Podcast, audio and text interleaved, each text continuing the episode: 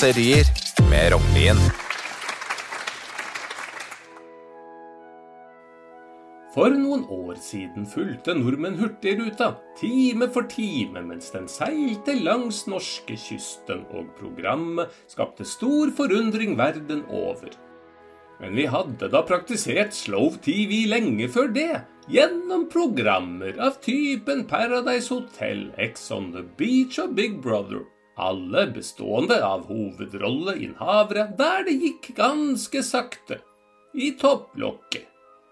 Var du i stand til å formulere sammenhengende setninger, ble du raskt luket ut på opptaksprøvene. Bortsett fra et prikkfritt utseende er det bare to kriterier for å være med i denne type programmer. Du må være PR-kåt og helt vanlig kåt. Når dagens foreldre tar sexpraten med tenåringsbarna, bør de nok legge til flere formaninger enn å huske å bruke prevensjon. Det kan være greit å også minne barna på at det er ikke akseptabelt å ha sex mens bestemor ser på. I disse dager er vi nok igjen i gang med en ny runde av Paradise Hotel, og det er særlig to ting som slår meg når jeg har sett på slike programmer. 1. Det norske vokabularet har klare mangler, for når jeg søker i synonymordboka på idiot, kommer det opp 120 treff, men ingen rettferdiggjør hvor inni helvete tjukke huet noen av deltakerne er. Og det aller mest irriterende hvordan er det mulig å drikke så mye alkohol uten å legge på seg et gram? Det er så urettferdig. Like sikkert som at TV-kanaler pøser gratis alkohol inn i deltakerne, er det at en hel haug av dem er i fengsel noen år senere. Som regel har de banket folk til døde, eller tydd til favorittøvelsen sin voldtekt. Noen ganger klarer de ikke å vente til TV-innspillingen er ferdig, og begår overtrampet med 100 kameraer til stede. Men selvsagt, det hadde jo ikke vært så veldig gøy med Ex on the Beach eller Paradise Hotel uten alkohol. Hva hadde vi da sittet igjen med? Intellektuelle vittigheter?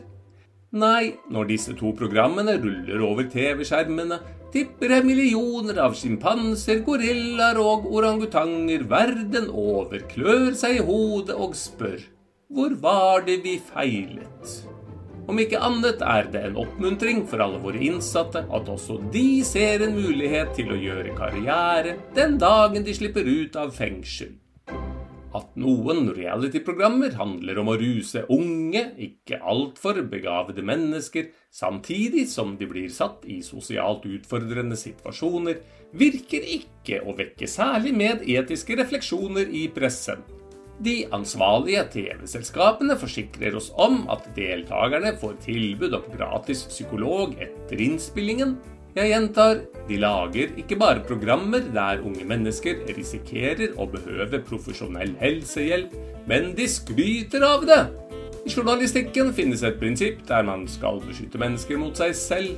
Det kan hende at TV-selskapene har misforstått hva det handler om. For jo da, de sørger riktignok for beskyttelse mot kjønnssykdommer.